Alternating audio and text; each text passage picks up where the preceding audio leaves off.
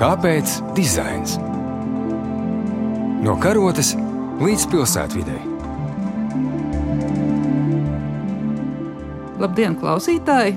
Klasikas studijā ir Ilza Martinsone, un šodien es runāšos ar arhitektu Dīdzi Jaunzēm runāsim mēs par Latvijas Nacionālā vēstures muzeja topošajām ekspozīcijām, bet pirmais jautājums man tomēr ir tāds personīgs. Es zinu, ka Digis jau ir bijis mūsu studijas viesis, bet man nebija tā iespēja pašai viņu izjautāt. Man īpaši interesants, kā muzeja cilvēkam kopš 90. gadu vidus ir šis ekspozīciju dizaina attīstības virziens kopumā. Es atceros, ka es sāku muzejā strādāt, mums bija daži veci podesti un sienas, kuras mēs tad pārbīdījām šurp un turp un brīnījāmies, ka rietumos sienās dzēna nagls un katrai izstādē kaut ko jaunu pārkrāso. Tad tā joma attīstījās un parādījās jau daži spēcīgi projektētāji, kas tieši uz šo virzienu darbojās, bet tie bija tikai daži, kas pārdalīja šo lauku. Un tagad jūsu arhitektu birojs ir pēdējos gados tieši pievērsies šai jomai, jo parasti sabiedrība tā uztver, ka arhitekts ir tas, kurš projektē jaunas mājas, un jūsu biroja sākuma posmā tā arī bija, kad bija ēku projekti, bet tagad pēdējos gados tie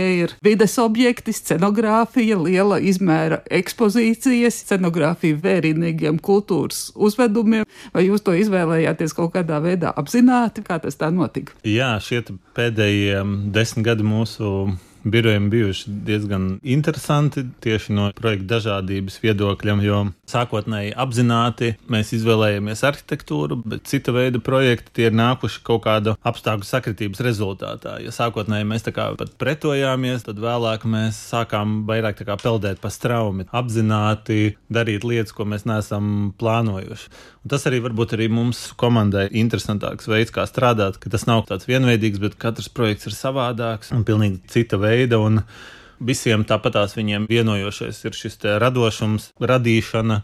Un pēdējos gadus mēs ļoti daudz veidojām operas, dažādās pasaules valstīs, operas scenogrāfijas, un pandēmija varbūt eh, bija tā, kas viņus tā kā nedaudz iepauzēja.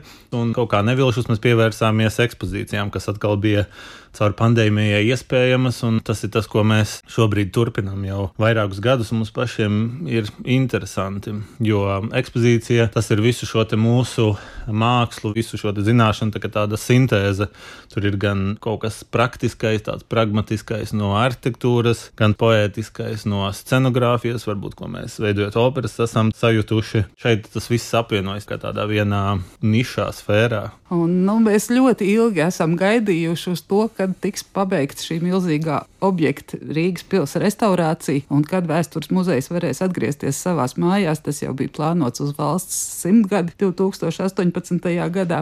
Projektu aizkavēja gan ekonomiskās krīzes, bet man liekas interesantāk, ka projektu aizkavēja arī tie milzīgie atklājumi, kas tur bija. Ka restaurātori atsedz to un atsedz šito, un projekts ievilkās. Bet jau ir redzams šim procesam gals Diemžēl šogad ir noslēgušies trīs izsludinātie konkursi četrām jaunajām vēstures muzeja ekspozīcijām.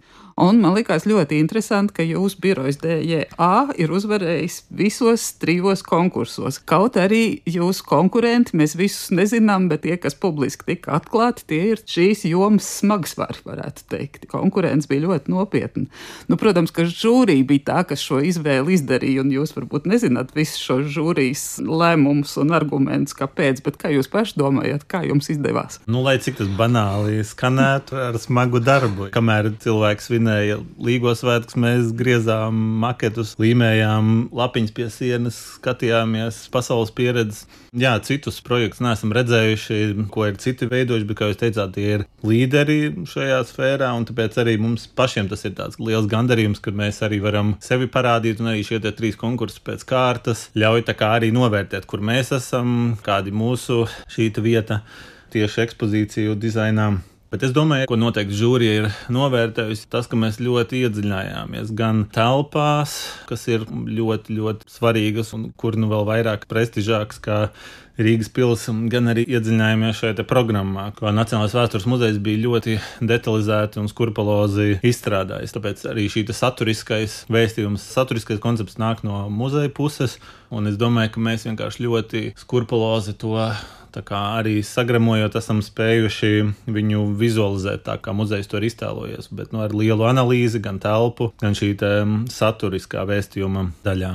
Nu, jā, jūs pareizi pieminējāt, ka jebkura ekspozīcija sastāv no satura un no dizaina. Tā kā mūsu raidījums ir dizaina raidījums, mēs neesam šoreiz satura veidotājus aicinājuši, bet ir pilnīgi skaidrs, ka ekspozīcija tā vai citādi tam saturam atsaucās.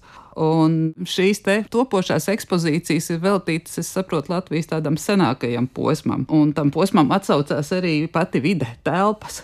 Kādu konceptu jūs izvēlējāties? Vai pieskaņoties šim te saturam, uzturēt saturu, vai kontrastu principu ar savu dizainu, kontrastēt, norobežoties, lai izceltu saturu? Šīs visas trīs ekspozīcijas, lai gan, teiksim, varētu šķist, ka varbūt vieni šī dizaina veidotājiem būtu līdzīgi rokraksti, mums pašiem šķiet, un pašiem arī tas ir interesanti, ka šīs ekspozīcijas ir pilnīgi dažādas. Un to tieši ir noteicis šis dažādais saturs un dažādās telpas, kur arī atradīsies. Jo ekspozīcija Livonijas pilis atradīsies pagrabā, kas ir ar šīm um, vēsturiskajām griestu velvēm telpas bez dabiskā apgaismojuma, un tad ir pilnīgi tāds kontrasts, piemēram, ekspozīcija sakrālā māksla, kas tiek veidota pilsētas kapelā, kas atkal ir divu stāvu augstumā, milzīgi plašas telpas, un viens no ietekmējušiem faktoriem dizainam ir bijuši tieši šīs telpas. Mēs viņus esam veidojuši kā kontrastu telpām, un te pašā laikā šis kontrasts arī ir savā veidā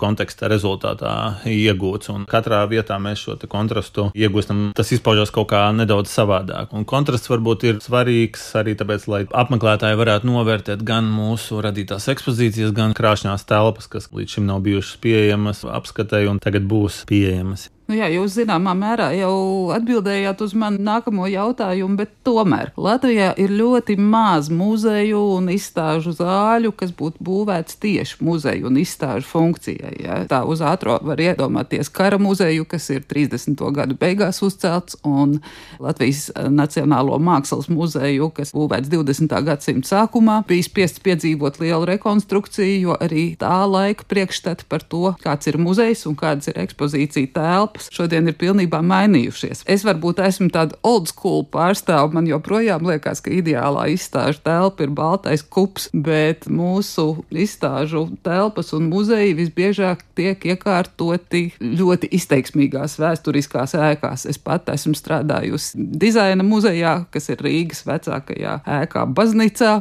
Šobrīd arhitektūras muzejs atrodas Rīgas vecākajā dzīvojamajā ēkā, un tur šis kontrasts ir ļoti liels liels, un šīs telpas ir pat, es teikšu, vizuāli agresīvas. Ja? No vienas puses viņas ir pašvērtīgas, tām ir jāvelta apmeklētāju uzmanība arī, bet savā veidā viņas konkurē ar ekspozīciju. Un es esmu redzējusi Latvijā arī nepārāk veiksmīgus piemērus tieši ekspozīciju ziņā, kur ir restaurēts vēsturiskais interjers, kas ir ļoti skaisti, bet viņš noēda ekspozīciju dažos paņēmienos, kā jūs cīnījāties vai necīnījāties, bet kā ar slimību mēdz teikt, vislabākais ir ir sadzīvot. Jā, tas salīdzinājums ar Baltu kubu ekspozīcijai ir interesants, jo tas ir līdzīgi varbūt kā arī arhitektūrā, kur um, tukšā laukā varbūt uh, uzbūvēt māju. Un es domāju, ka daudzi arhitekti arī man piekrist, ka bieži vien pat uzprojektēt ēku tukšā laukā ir grūtāk nekā pilsētas centrā, kur tieši šis konteksts ir tas, kas krietni palīdz, kas rada kaut kādus priekšnosacījumus uz ko var atsaukties un pamatot lietas. Līdzīgi varbūt ir arī ekspozīcijām. Šie vietas konteksts, es teiktu, ka tādā baltā telpā būtu grūtāk, jo nu, tas ir tāds vieta bez noteikumiem. Šie noteikumi, viņi bieži vien ir palīdz domāt, palīdz reaģēt. Līdzīgi mēs esam domājuši un reaģējuši dažādu kontekstu, dažādām telpām mūsu iepriekšējās ekspozīcijās, kur, piemēram, Vizijuma zinātnē centrā Ventspīlī, tur mums ir izteikti futūristiskā vide mūsdienīgai mājai. Turpretī, piemēram, Jālgavā mums ir divas ekspozīcijas - Vecpilsētas ielā 14 un Svētā Trīsvienības baznīcas turnī, kur atkal mēs esam ar tādu lielu pietāti piegājuši vēsturiskiem interjeriem. Un, nu jā, katra šī vieta, viņa nosaka, kā tas gala rezultāts iztīsies. Viens ir saturs, un otrs ir telpa, un telpa noteikti palīdz. Un arī Rīgas pils gadījumā šīs telpas palīdzējušas, lai gan mēs esam visur mēģinājuši maksimāli atkāpties no šīs vēsturiskā mantojuma un padarīt to apmeklētājiem redzamu. Tā pašā laikā katra šī ekspozīcija ir reakcija uz katru no pilsētas telpām.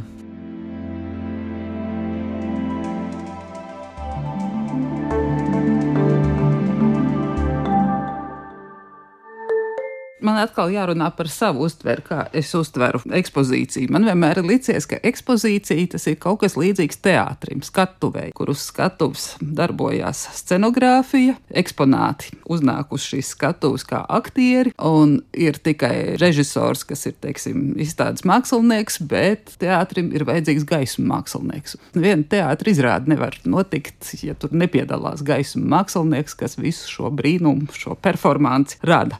Un, ja nodzēš teātrī gaismu, tad teātris beidzās. Un man līdz šim ir bijusi tieši tāda pati sajūta arī izstāžu zālē. Tad, kad mēs beidzam kādu izstādi, mēs nodzēšam gaismu, un šīs izstādes vairs vispār nav. Bet tas stāsts, protams, ir par mākslīgo gaismu, kas tiek lietots šādā veidā bet pēdējā laikā parādās tendence ekspozīcijās iesaistīt dabisko apgaismojumu, kas man liekas diezgan sarežģīta. Esmu redzējusi labus piemērus ar virsgaismu, ar jumta gaismu, kas glezniecībai atkal ir ļoti nepieciešami, bet tur ir visādas nianses. Un es zinu, ka Rēns Liepiņš, arhitekts, kurš projektēja Rīgas pili, zinot, ka šeit būs muzejs, bija ļoti pārņemts ar šo dabiskās gaismas ideju un brauca uz Berlīni un skatījās jaunākos paraugus. Tagad jūs esat tie, kas taisa šīs ekspozīcijas, un es saprotu, saprotu, jums tās telpas ir dažādas. Ir pagrabs, kur nekāda dabīgā gaisma nav, kur jūs varat izspēlēties ar mākslīgo apgaismojumu, bet ir arī tādas telpas, kur ir, kā es saprotu, plaša dabiskā gaisma. Ko jūs par to domājat? Jā, nu mēs kā ne, varbūt tik daudz teātra izrāžu veidotāji, bet ļoti daudz operu un citu scenogrāfiju veidotāji piekrīt par šo apgaismojumu, jo tas ir divas dažādas lietas. Vai tā ir dežūra gaisma, vai tas ir kaut kas, kas ir ļoti precīzi notēmēts un pārdomāts apgaismojums, kas ļauj lietām izcelties un rādīt to, ko tajā brīdī vēlamies rādīt. Un ekspozīciju gadījumā šis te varbūt mākslīgais apgaismojums tas nav tāpēc, ka negribētos dabīgo apgaismojumu, bet tas ļauj telpu veidot ar vienādu uztveri gan vasaras vidū, gan ziemas vakarā, kad šī vide un ekspozīcija, ka viņi izskatītos vienādi un tieši tā kā apmeklētājiem tā būtu jāuztver. Pretējā gadījumā šī ārtelpa ir tā, kas nosaka, kā tad ekspozīcijā izskatīsies, nevis tās autori. Bet labā ziņa ir Reinam Liepiņam, ka šajā gadījumā mēs logus neaizsadzam. Piekrītu viņam, ka šī vieta un ne tikai gaisma, bet arī skats, kas paveras visapkārt, ir tā vērts, lai to neaizsaktu. Un, un to arī mēs esam darījuši mūsu veidotajās ekspozīcijās. Un um, ir tikai šis pagrabs, kur mēs tad attiecīgi varam izspēlēties ar šo mākslīgo apgaismojumu, bet pārējās telpās gaisma ienāks un skats telpās paliks. Bet, nu, protams, tur ir ne tikai teiksim, telpas un ekspozīcijas uztveres kaut kādas problēmas, bet, protams, ir eksponāti, kur atkal nedrīkst būt tiešos saustaros vai vispār viņiem nepieciešams mazāks apgaismojums. Tur mēs attiecīgi šo vitrīnu un objektu ietvaros ar to strādājam, bet nu, cenšoties maksimāli saglabāt šo pilsētu atvērtību pret apkārtni, jo tieši šie logi un gaisma ir tas, kas mums parāda, kā apmeklētājiem, kur īsti es atrodos, ka šīs nav anonīmas telpas, bet Rīgas pilsēta visapkārt vecrīgu un upi aiz logiem. Un par jaunajām tehnoloģijām, informācijas tehnoloģijām, tās spēja ievērojami paplašināt izstādes robežas pārsteigt vairs ar to gan nevienu nevar. Kad Ventspils muzejs vērās vaļā, tad bija wow!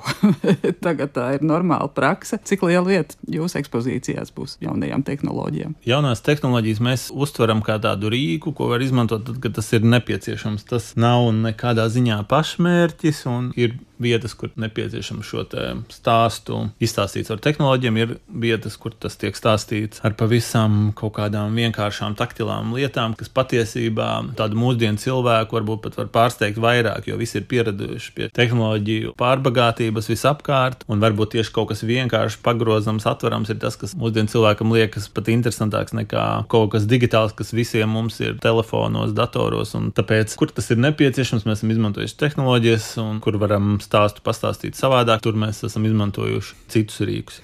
Jā, īstenībā man savā laikā ļoti pārsteidza Arthūra Ranalda vienkāršā ideja, kad viņš uztaisīja ekspozīciju, kur visa ideja bija ar pirkstu vilkt uz aizsvīdušu stiklu. Es pat iedomāties nevarēju, ka mūsdienu cilvēks, kas pārsātināts ar visu, ko būs tik laimīgs, ka viņam ļaus ar pirkstu pavilkt pa stiklu. Jā, jo mums pēc tāda līdzīga principa Varbūt mēs arī veidojām Latvijas ekspo paviljonu Dubajā, kur mēs arī zinājām, ka ar šīm te visām tehnoloģijām, kas tur būs, ar visiem šiem milzu ekrāniem, nu, mēs nevaram sacensties. Un tieši tas, ar ko var sacensties, ir kaut kādas īstas lietas, īstas pieredzes. Tāpēc tur mēs aizvedām Latvijas kūdru, no kā izveidojām visu ekspozīciju.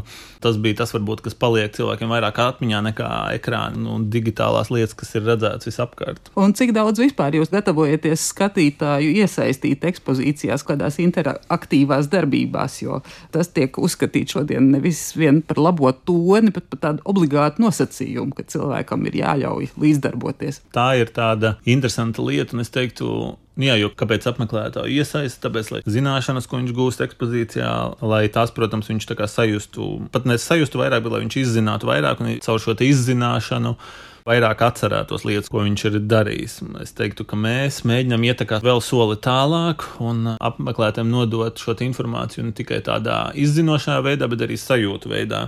Piemēram, ekspozīcijā, kas būs pilsētas 4. stāvā, straumējot laiku, Tur mēs ļoti daudz šobrīd ar muzeju strādājam kopā un diskutējam un taisām desmitus variantu, kā šo ekspozīciju padarīt ne tikai tādu aiztiekamu un atveramu, bet arī sajūtas nododošu. Kā mēs varam ne tikai kā, informēt, piemēram, par totalitārisma laiku Latvijā, bet arī nodot šo totalitārisma sajūtu. Un tas ir, manuprāt, cits vēl līmenis, cits kaut kāda attīstība šo ekspozīciju virzienā, kur mēs vairs ne tikai iesaistām, bet mēģinam arī šo sajūtu, kā nodot apmeklētājiem, kur viņš varētu piedzīvot šo vēstījumu, ko mēs vēlamies nodot. Un tas īstenībā, kas jau ir nākamais līmenis, uz ko arī jaunākajām muzeja iet, jaunākās ekspozīcijas iet, kas jau ir bieži vien vairs pat ne tik daudz stāstījis stāstu caur priekšmetu izstādīšanu, bet caur šo sajūtu nodošanu. Priekšmets varbūt paliek jau otrajā plānā, bet tas bieži vien ir kaut kādas tādas instalācijas, kas rada šo vēstījumu tiešāku jā, un sajūtas radošu.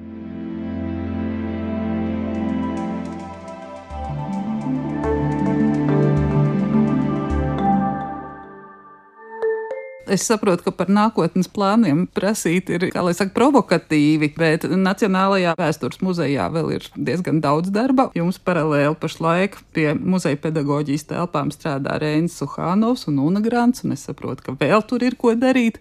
Vai jūs gribat turpināt, ja jums ir kādi citi grandiozi plāni? Pagaidām man šķiet, ka mēs esam tā kā pilieru saturu piepildījuši. Man šķiet, ka pārējās telpas šeit pirmajai būvniecības kārtai ir piepildītas, bet, protams, pēc laika perioda ir plānotas nākamās pilsētas atjaunošanas kārtas, un tur tad attiecīgi arī muzejiem būs vairāk telpas un lietas, ko mēs esam mēģinājuši šobrīd izstāstīt kaut kādā vienas telpas vai viena ceturdaļa stāva ietvaros, tad būs iespējas muzejiem izplesties. Bet nu, tas pēc kādiem gadiem, septiņiem vai desmit, un tas tad, protams, būs ļoti interesanti un labprāt, protams, piedalīsimies atkal konkursos, ja tādi būs, jo tagad liekas, ka ir āķis lūpā un ir interesanti pašiem, un mūsu visai komandai ir interesanti, un redzēsim, jā, ko nāk nākotnē mums muzejam nesīs. Bet paši šobrīd strādājam arī pie citiem projektiem, ne tikai pie šī. Lai gan šis ir tāds intensīvs laiks, jo trīs ekspozīcijas bija arī mums liels pārsteigums uzvarēt. Bet šobrīd strādājam arī pie vienas ekspozīcijas atjaunošanas motoru muzejā kas ir zona, kur pēc Krievijas sāktā kara tika slēgta zona par uh, Kremļa auto, un šo zonu tagad uh, muzejs vēlētos pagriezt citā šķautnēs, pastāstīt par propagandu un šīm tēmām citādāk. Esmu uzaicināti nākamos bērnu dziesmu un deju svētkus, veidot scenogrāfiju Daugos stadionām, jo tikko noslēdzām pagājušajā vasarā pieaugušo dziesmu svētkus ar mūžīgais dzinējs Daugos stadionā, un tagad strādāsim pie bērnu dziesmu svētkiem. Un dažas nedēļas atpakaļ Ludus pilsdrupās pabeidzām veidot labiekārtojumu, kas tika arī atklāts, un tā bija pirmā kārta. Tā kā turpinām strādāt pie ļoti dažādiem projektiem, gan pie ekspozīcijām, gan pie arhitektūras. Un galvenais tā, lai mums ir interesanti, un tad arī radošums nekad nebeidzās. Jo no kaut kādas vienas lietas, ko mēs esam darījuši arhitektūrā, mēs atkal to varam iekļaut scenogrāfijā vai no scenogrāfijas ekspozīcijā. Tas mums palīdz domāt, veidot šos projektus, varbūt tādus netipiskākus. Varbūt arī tas ir patiesībā tas, ko žūrija šīs Rīgas pilsētas ietvaros novērtēja, ka tie nebija tradicionāls vitrīnas, tradicionāls eksponēšanas veids, bet kaut kas pavisam neierasts, ko mēs varbūt intuitīvi esam veidojuši dēļ šīm savām iepriekšējām citu tipu projektu pieredzēm. Tad gaidīsim tuvāko nākotni un arī tālāko. teikšu paldies par sarunu. Klasikas studijā bija Ilza Martinsone un Dīdzis Jaunzems. Raidījums ir tapis ar valsts kultūra kapitāla fonda atbalstu. Kāpēc dizains? No karotes līdz pilsētvidē. Pirmdien, 9.5. ar atkārtojumu sestdien, 18.18. 18.